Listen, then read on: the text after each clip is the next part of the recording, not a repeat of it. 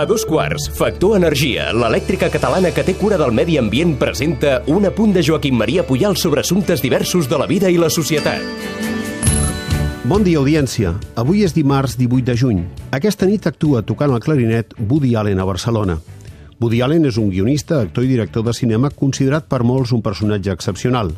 Però la gent el recorda també per les seves frases. Les paraules més boniques del món no són t'estimo, sinó és benigne. En cas de guerra només sabria fer de presoner. L'última vegada que vaig ser dintre d'una dona va ser quan vaig visitar l'estàtua de la llibertat. I moltes altres. Això de les frases dona molt de sí. Actualment, el món digital ha facilitat que hi hagi persones que s'hagin fet famoses a les xarxes gràcies al seu enginy, publicant i distribuint frases acompanyades d'imatges que han acabat esdevenint virals, els famosos mems. Abans, quan la societat rural i també la industrial marcaven uns ritmes més lents a la vida, la gent feia servir sovint refranys i dites populars que eren vigents durant anys i anys. Ara, fa temps que van de baixa. Les metàfores que fa servir la gent gran no les entenen els joves. Ser més llarg que un dia sense pa o ser alt com un Sant Pau ja no s'estila. Però si té alguna important o trobar una frase que t'ajudi a argumentar el teu ideari, és un mètode que et permet tenir un discurs que sembli més adornat. Conec persones, que passen per importants, que recorren sistemàticament a diccionaris de cites literàries, o de l'ordre que sigui, per poder il·lustrar o desenvolupar textos o pensaments suposadament propis o lluir una inexistent erudició.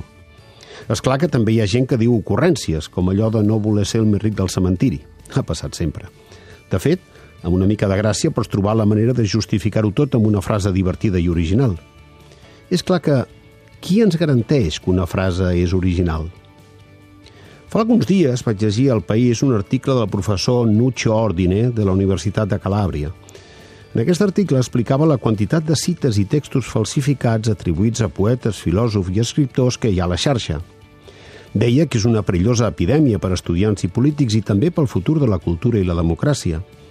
Posava exemples, que anaven des de cites del Quixot fins a reflexions atribuïdes a Schopenhauer o Italo Calvino, que eren una absoluta ensarronada.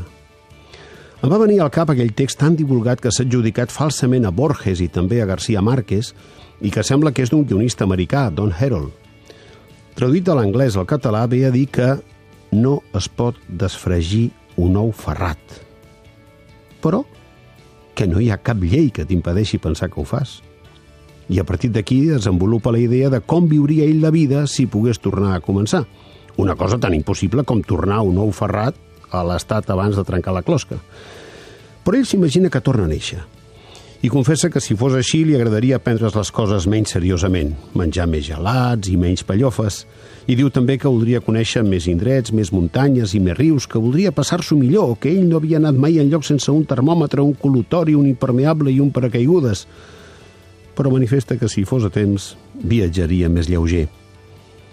És clar que és important saber l'autoria d'aquest text, però saber si ens és útil ho és encara molt més.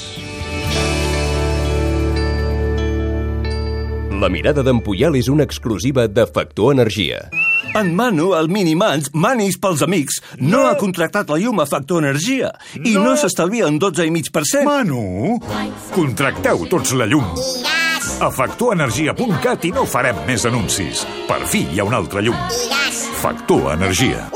Empresa col·laboradora amb la Barcelona Equestrian Challenge.